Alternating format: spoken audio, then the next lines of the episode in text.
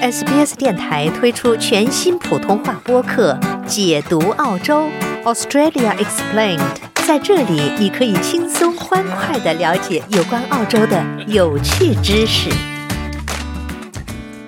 从法律角度看待社会现象，以专家意见指点生活迷津。请听现场说法。现场说法，您了解法律、咨询问题的空间。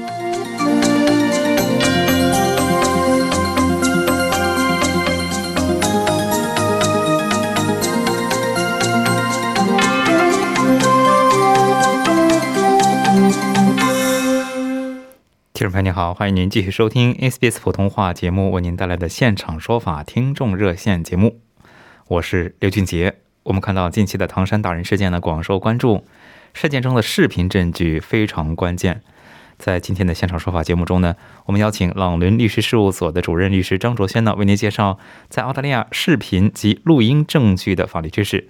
欢迎听众朋友拨打热线电话一三零零七九九三二三。一三零零七九九三二三参与节目咨询法律和移民签证问题。首先来连线本期节目嘉宾张律师，您早。您好，非常谢谢张律师做客我们节目哈。就是我们知道最近这个唐山打人事件受到了，尤其是在网上受到很大的关注哈。就说类比来说哈，在如果是澳大利亚的话，视频和录音证据在法庭上作为证据使用有哪些说法和规定吗？嗯。在澳洲的话呢，视频和录音证据总体而言的话是是可以在法律上作为证据使用的。嗯，呃，但是呢，在澳洲呢，可能会呃，有一些人可以看到一些法律规定说，如果你没有经过他人的允许，即便是你是在现场录音录像，也有你在里边的情况的话，那么你也有可能会被认为是触犯了。刑法，嗯，去做这个录音和录像，甚至呢，这个最高刑罚可以达到七年有期徒刑，或者要甚至啊，罚金的话可以达到四五万这么高的罚金，或者又有可能让你有期徒刑又有罚金，嗯，但是呢，即便是你触犯了，就是认定有可能触犯了法律去做这个录音录像的话，那么在一些特殊的情况下。法官还是可以允许你用这些录音录像作为你这个案件当中的证据的。嗯，就是说，如果是比方说这个是嗯是在自己的物业，或者是类似于比方说自己的停车场，或者是呃像这种比方说 unit 或者 apartment 的这种公寓的停车场，呃，其中有自己的停车位，比方说被别人占了，然后呢自己呢就拿出呃这个录像设备把它拍下来，这种的可以吗？那我们要看一下这个录像设备安装的情况，比如像您刚刚，比如像您刚刚讲的，如如果是在停车位这样的话，通常我们可以调取的，有可能是本身停车场就有的这种监控设备。嗯。那么这种监控设备安装或者设置的地方，通常它都有标识，会告诉经过的人说：“我这里有这种监控设备，所以说你要注意。”那么像这种所获得的这种。录音录像的话，通常可法院都会倾向于可以使用，因为实际上，这个被拍摄人是得到了这个知情的这种情况的。但是如果像主持人您刚刚讲的说，被拍摄人其实并不知情，而且没有得到同意的情况下做出的这种录音录像的话，可能不会有警察来告诉你说你触犯了刑律，但是你要使用的时候，法官就可以决定说。你这个呃未经他人允许录音录像的话，最起码是不合符合法律规定的一种取证手段。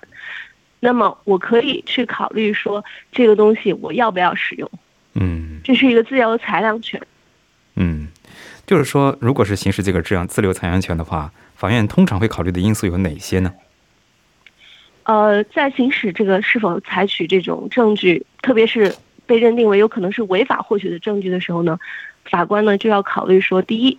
这个证据呢，它的证明力是不是足够大？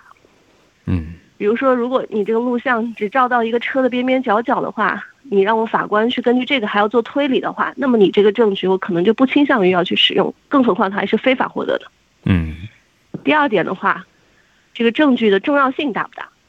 打个比方，这个人他自己就像刚刚您说的情况，占你的车位的话，他承认了，嗯但是他认为他有什么样的这样那样的理由，那你有没有这个视频录像就没那么重要了。所以在这种情况下，法官可能也不会去接纳说这个非法获取的证据。嗯第三呢，就是这个证据本身的属性和真实程度。如果说你这个视频有 很明显的剪接，或者是呃被人更改的痕迹的话，那么法官肯定是不愿意去采纳这样子非法手段获得的证据的。嗯那么最后一点的话呢，通常像这种小的案子可能不会考虑，但是比较大的案件，比如说像我们看到中国这种唐山打人的案件，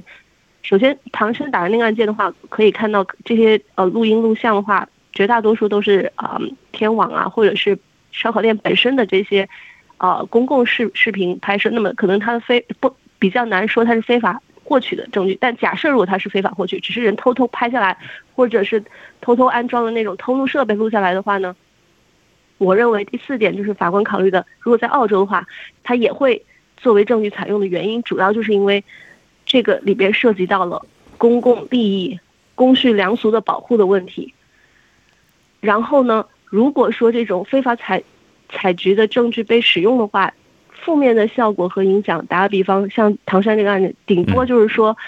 可能不应该鼓励人们去呃互相的偷拍、安装偷拍设备，侵犯别人的隐私权。但是在这个案件当中的话，打人的人的行为非常的恶劣，造成了非常恶劣的这种呃公众的效应。那么对比起来，另外一方面，使用这个证据的负面效果而言，明显使使用这个证据的正面效果更加的强，而且这个负面效果的影响，在这种案件当中的话，呃，已经可以认为是说比较次要需要考虑的点了。嗯，所以在这种情况下的话，那么像这样子的情况，即便你这个获取这个视频和录音的手段可能并不符合法律规定，或者侵犯了别人的人权，但是无论我认为是在哪个国家的话，包括澳洲在内，也会考虑说可以作为定罪或者量刑或者是民事损失赔偿的一个依据的。嗯，就说如果是比方说作为普通人哈，嗯、在没有像这种出现这种中国唐山打人这种极端事件的这种案例中哈，想要使用这个录音和录像证据，应该去怎么嗯这个做，或者是怎么去呃采集这个证据呢？呃，这个是我们通常看到很多客户会遇到的问题。对，首先的话呢，我们会跟客户讲说，如果可以的话，呃，咱们尽量打比方，呃，你跟这个人有怕有肢体冲突，或者是说这个人有可能对你有些威胁的话，我们可以选择一些公共场合是有 CCTV 的嗯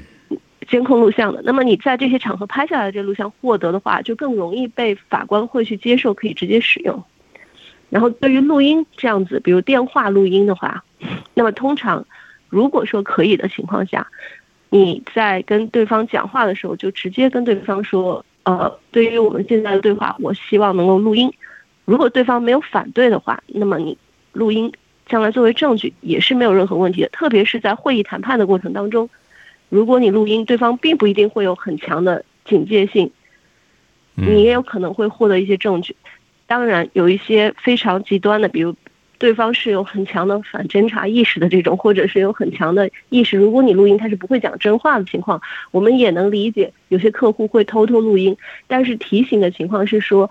这种行为严格意义上来讲是违反了我们刚刚讲的那种呃刑事法律的。但是，比如说你们只是一些关于孩子的家庭的问题讨论呢、或者是债务讨论的话，那么我们也极少见到会有警察对你提提起这个刑事诉讼，但是严格意义上你还是违法行为。那么这个证据能不能使用的话，那么就要看你这个案件本身的话，是否能让法官觉得你是一个呃足以达到一定的重要程度的案件。比如说我们见到像这种偷录的录音的话，在两种案件当中是一定会被法官考虑可以使用的，一个就是在澳洲，一个就是刑事案件。嗯。第二，因为这个的话通常会涉及到公共利益；第二个的话就是对于孩子的利益保护，家庭法当中，比如说一方家长对另一方家长说，呃，我要把你怎么怎么样，然后呃，孩子的话我不会让你再见他，像这样子的录音的话，那么会直接会影响到这个孩子的利益和保护的情况下，法官也是会同意这种录音，即便是偷录的话，作为证据进行采纳的。但是如果是比如一个简单的经济纠纷的话，可能我们看到的绝大多数案例，法官并不认为说这种偷录的录音录像，特别是还有可能被人修改的话，有多大的参考价值。然后值得去破例使用这种非法录音录像来保护一个普通的债务关系。就是类比来说，刚才您讲的这个孩子的利益为类为例哈，就是如果说，比方说我跟呃其他另一个人去交涉，然后呢，我呢觉得人身受到了威胁，所以我就提前把录音设备打开，这种情况可取吗？呃，可以。关键的问题，刚刚我提醒您的就是说，您用这个录音录像到什么样的法院提起什么样的诉讼？或者是保护什么样的利益？像您说，如果是人身威胁这样的利益，通常是跟刑事起诉有关，或者要求警方做出保护的。那您这样子的这种证据的采信和方法的话，是会被法院接受的，因为法官会认为这个实际上是一个对于公共利益的保护，而不仅仅是对于您本人的一个保护。听众朋友您好，欢迎您继续收听 SBS 普通话广播为您带来的现场说法听众热线节目。在刚才的节目中呢。朗伦律师事务所的主任律师张卓轩呢，为您介绍了在澳洲视频及录音取证的相关法律知识。欢迎听众朋友继续拨打热线电话一三零零七九九三二三参与节目咨询法律和民签证问题。在接听听众电话之前，我先请张律师简要的给我们再补充一下哈，就说在澳大利亚除了这个录音录像证据这一方面哈，如果从这个中国唐山打人事件，呃，发生在澳洲的话呢，在法律上还有可能会涉及到一些什么内容呢？嗯，我觉得唐山事件之所以让大家关注，就是因为它这个视录音和视频在网上被比较疯狂的转载这样的一个情况。嗯，那么在澳洲的话，呃，其实我认为可能会跟比中国来讲，它会涉及到另外两个法律，会是在中国可能涉及不到的，一个就是这个诽谤法律，另外一个就是呃，跟英国一同步的这种对。人的这种隐私权保护的法律，甚至从某些人看来的话，这实际上是对这些施加施加这些侵害一方的一种，呃，保护或者是一种限制。嗯，那么我觉得这个的确是需要在我们行使就是这种权利时候需要稍微注意的一点。那么，比如像唐山这样子的事件。它明显是对一个文明社会秩序的一种严重的破坏和对人权的这种践踏的这种行为的话，那么这些，呃，即便是诽谤或者是这个呃隐私法律的这种保护的话，都不会阻止这样的视频在这个呃大众的这个之间去传播，会认为是影响到这个施加侵害方的这种利益。但是呢，打比方，如果是施加侵害方的家人。然后有很多的人去他们对他们进行网暴，然后对这些视频进行加工之后去伤害到这些人的话，那么有可能就会涉及到，即便是有一些内容可能是属实的，那么如果说并没有造成对于公共利益的破坏的话，那么传播这些视频和文字就有可能使得这些受到网暴的人可以对施加这些网暴传播的这些主要是媒体啊或者是网红啊。这些有影响力的人提起这个诽谤案的诉讼，那么这些传播推动的人就有可能会被追究这种诽谤案的责任，要去赔偿这些名誉受到损害的人的这些利的这些对，所以呃这个东西的话，我们在做的时候，可能有时候比较情绪上来的时候，还是需要考虑到自己的这些。所传播的内容的话，是否有可能会造成比较大的影响，特别是对某一个人的名誉影响，甚至传播的内容，即便是一半一真一半假，有属实的部分的话，这个也有可能会使你造成嗯这个卷入到像这种名誉诽谤的案件当中。那么另外就是这种个人的隐私权，打个比方，如果我是开店的人，即便是我有 CCTV，我也不可能随便去拍别人的之后拿这个视频去在。网上做做一些宣传也好，或者怎么样，让我从中获得商业利益，这种对别人的肖像也好，个人的名字还有手机等这些信息的收取，在澳洲严格意义上来讲，都是要遵循这个隐私法保护的这个条例的。嗯，呃，好嘞，非常谢谢张卓轩律师的介绍。接下来我们来接听听众电话，这位是徐先生，徐先生您久等了，请讲。好。呃，张律师，呃，大家早。呃，我想请教张律师，我在呃，因为我有一个商店哈，前面有一个这个工程哈，想要建，在二零一七年的时候，我找了一个叫福利师的哈，来跟我写的说，这个假如啊，我们商店工程要去建的时候，因为他们不能够营业，所以会造成一些损失，然后我要给他一些补偿，再加上呃，他可以不付我租金。在二零一七年虽然写了合约以后，这个二零一八、二零一九都没有去建。到了二零二零年呐，这个我们啊，就是准备去建的时候呢，这个我后来又找了一个叫郑律师的，说请他跟我看看这个合约哈有没有过期。然后这个郑律师给我看了以后，他说：“哦，这个合约已经过期了，这个无效了。我如果我去建这个工程的时候，不需要给租客补偿，但是呢，租客可以不付我。”呃，不，这个不付我租金，所以呢，我就听了这个郑律师的话呢，哈，啊，就是跟我的管理委员会说，哟，那这样子我们就去建吧，哈，因为我不需要补偿嘛，哈。那你，结果到了四月的时候啊，那个呃，我的律师再三就是说写信给我租客的律师说，哟，如果我们工程去建，我们不需要做任何的补偿，但是租客不需要付我租金。那呢，到了五月，我们真正工程进行以后呢？哇，糟糕！租客的律师一直写信来，要给他们补偿。然后呢，每一个星期都写信来。那我就问这个郑律师说：“郑律师啊，你不是告诉我说，这个工程去建的时候不需要补偿吗？为什么对方一直写信来要我补偿？”啊，这个五月啊，到了五月底哦，郑女士后来改口说：“哎，这个哈是需要补偿啊，但是啊里面没有写补偿的日期，还有补偿的方式。”我想说不对呀，你这个郑律师怎么跟我讲话出尔反尔？然后呢，在六月份我一直不愿意去做这个补偿，到了六月底哦，租客的律师写信来说，我如果再不付这个补偿金的话，他就把我啊到法庭起诉。然后呢，那一天六月底啊，这个郑律师就打电话跟 email 给我，他说：“哎，徐先生，你这个没有去这个这个付补偿费的话，他们七月一号哈，那个就要把你告上法庭了。”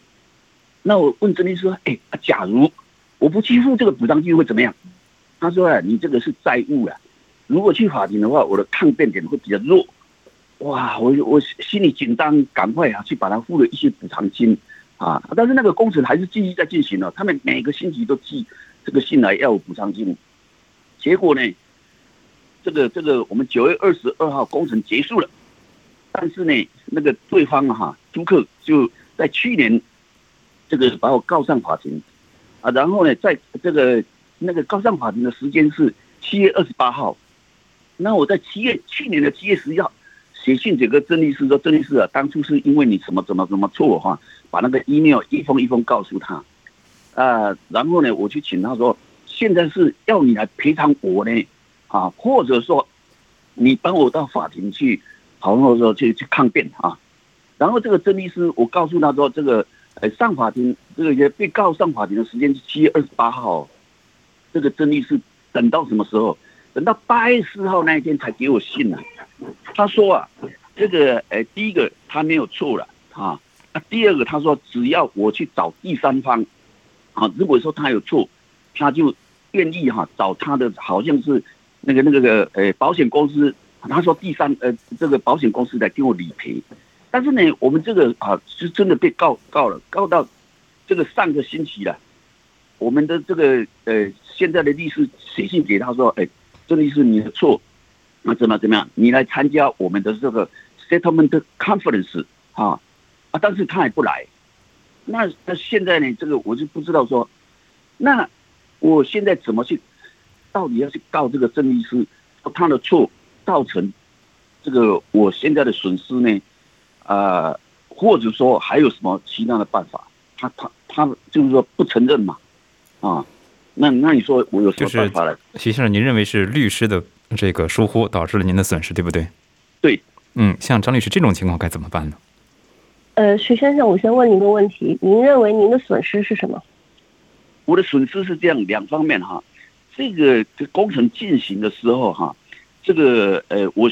照理讲是需要给。如果照合约的话，我是要给这个我的租客补偿金没错啊，但是呢，这个他也不需要付我租金啊。他那个合约里面有两条，如果我的租客全部停业的话，我是要就付他补偿金，加上他不需要付我租金。但是这个合约里面有第二条，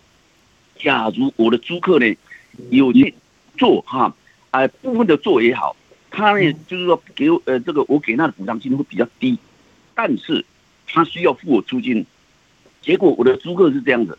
因为我那个是 corner 的 shop，他前面在建，他从后面进去做，啊，结果就被我所谓的拍照、录影，还有啊，他们拿到外面去卖那个哈，那个那个卖给客人的 docket，我都有收据存在嘛哈，那我就要求我的租客，哎，这样子的话，我不需要给你那么多的赔偿，我是要给你这个第二个比较低的这个赔补偿哈，但是我的租客他不承认。他说他就是没有做，啊，要给他大的补偿。最后呢，因为那一段期工程期间呢，我租客给我租金，啊，在所以呢，工程以后呢，他就这个又不付给我租金，就说抵，哎，再来抵什么？工程期间他认为说我应该给他多的补偿呢，啊，那一段，啊，所以呢，这个我的损失就是说，他确实有做，应该是要给我租金，还有工程以后他必须要给我租金，那一段我的损失掉。再加上我请我的律师啊，这个这个在跟对方的律师啊，这个在相告这一段时间，我付了差不多十十几万的澳币哈，那这个都是我的损失啊。所以本来请这个郑律师啊，我是是许先生，我想指出的就是您所说的这个损失，无论这个你请的这个律师有没有给你这个意见，你无法否认的是，他他的产生跟这个律师的行为直接的关系其实并不大。就是说，无论他有没有告诉你说你是否要给对方支付这个东西，你后面其实跟对方的这个呃争议说他你究竟要给他多少补偿，对方应该要做多少的尽职的责责任的话，这个这个争议本身的话，跟你前面那个律师是否告诉你说你要补偿对方的这个意见的话，没有直接的关系。您懂这个意思吗？你可能可以叫要求这个前面的律师，因为。你要前面律师负责的话，必须要有因果关系，这是第一。第二的话，因果关系是否导致你所认为的这个损失大小，它有多少的 contribution，也就是它有多少的贡献在里面的话，才会让你可以追究得了你说的那个有问题的律师的责任和赔偿的比例。你懂这意思吧？然后第二部分的话，如果前面这个律师向你收取了律师费，我觉得你是完全可以管他要回来的，因为就像你说，他给你的这个法律意见是有问题的，并没有得到帮助。那么他向你收取的这个费用，你绝对是应该可以主张让他要回来的。然后，如果你认为他行为有问题的话，那么你可以到律师协会去投诉他，要求律师协会对这个律师做一定的呃 discipline，也就是以规范。但是您本身跟这个租客之间的纠纷的话，所对您造成的这个律师费的支出，还有就是你可能跟这个租客之间赔多赔少的问题的话，您可能比较难去追究前面这个跟你说完全不用去管租约内容，然后不用赔对方的这个律师的责任。相反的话，你可能会需要在这个案件当中，跟你新的律师要想办法，像您刚刚说的那样，积极的提出证据证明说，根据合约的话，你也不需要给对方那么多的赔偿，从而减少你在这个案件当中的损失。你这个案件当中主张赢了的话，你可以要求这个租客去赔偿你的律师费，是这样的一个思路。听众朋友你好，您正在收听的是 SBS 广播普通话为您带来的现场说法听众热线节目。接下来我们继续接听听众电话，这位是 Angela，Angela，您久等了。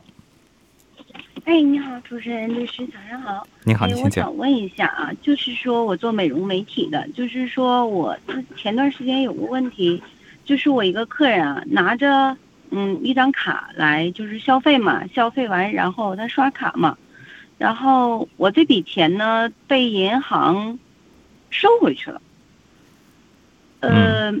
然后我想知道这就是后事后就是因为要有纠纷嘛，那我肯定要找银行嘛，这笔钱为什么会给我收回去，对吧？然后银行是说这个就是说。用的词很难听，就说我盗用客人的卡，你知道吗？完结果是因为是他太太拿了他先生的卡，然后我想问，这种情况责任在于谁啊？是在于我们商家，还是在于他太太呢？还是在于银行呢？嗯，张律师，我表达清楚了吗？呃，您事事情说的是比较清晰的，嗯，但是我想跟 Angela 嗯问的问题是在于。您所谓的这个责任是什么？就是说付款的责任，还是不太理解您说的责任是什么意思？对，呃，因为他付了一千块钱给我嘛，对吧？他做了服务，我收了钱，这是正常的，对吧？可是我这一千块钱被银行追回去退给那个客人了，那损失的是我，嗯，对。那我所以其实您这个责任就是付款责任的话，毫无疑问一定是那个接受服务的那个女士一定要欠你的钱，然后是她的责任。这个付款责任也好，或者就是说造成你这个损失的责任也好，那么肯定是这个接受服务的这个女士。嗯，这个时候该怎么拿回来呢？应该我我我应该拿怎么拿回来这笔钱？呃，这个是比较您说的这个问题是比较呃难的，在实际操作当中，因为您。这么小的金额的话，如果可能这个人你能不能找到都是一个问题。那么我们的建议会是，如果可行的话，你可以找一个追债公司提供相应的证据，然后让这个追债公司去联系这个消费者，去帮你把这个呃钱去试图拿回来。否则，像您这么低的金额，的确是不可能通过法律诉讼的方式去拿这个钱的。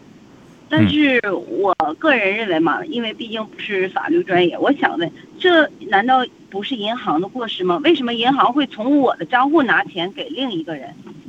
呃，确切的说，不是从你的账户，而是说银行会有一个操作。打个比方，就您这个案件当中的话，如果说他是用那个信用卡刷卡的情况下，他是可以跟银行讲说，这个钱我。呃，即便是在你的账户上显示出来的话，我可以要求说 dispute 这个金额，然后银行就可以把这个钱直接撤回来。所以这个为什么通常有些商家的话，在使用信用卡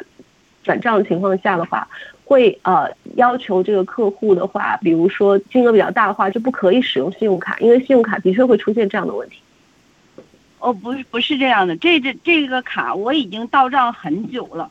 我已经到账很久了。然后银行给撤回去的，就是几个月前的事情了，已经这个账完全已经进入我的账户了。呃，那您可以试图的去跟这个银行联系一下，来提出您这个质疑，因为的确像我刚跟你讲说，是的确您说的有道理的，就是我讲的绝大多数的情况，他们都会是一两天，如果是有 dispute 这个账单的话，是有可能会。呃，导致他撤单的这这种的情况还是绝大多数生活当中所见到的。您说这个情况，如果是一两个月之后，银行从您的这个账户当中将之前支付您的金额撤回的话，在这种情况下，您可以试图去呃发一个 complaint 跟银行，这是第一点。第二点，您可以到这个消费者委员会去，作为小商家提出，就像您说的，银行对您做出的这个行为。其实的话，已经导致了，嗯，他们的这种操作，你认为是一种失误，或者是可以被这种不法的分子去利用的这种情况，对你造成的小商家的伤害。我认为你也可以试图去这个，呃，消费者委员会去对银行的这个商，呃，金融服务提出一定的质疑。好嘞，非常谢谢安哲的咨询。那么由于时间关系，就不得不打断两位了。非常感谢张卓轩律师做客现场说法听众热线节目。因个人情况因人而异，法律问题复杂，本节目仅供一般性参考。想听到更多这样的故事吗？您可以通过苹果播客、谷歌播客、Spotify 或者您喜爱的方式下载收听。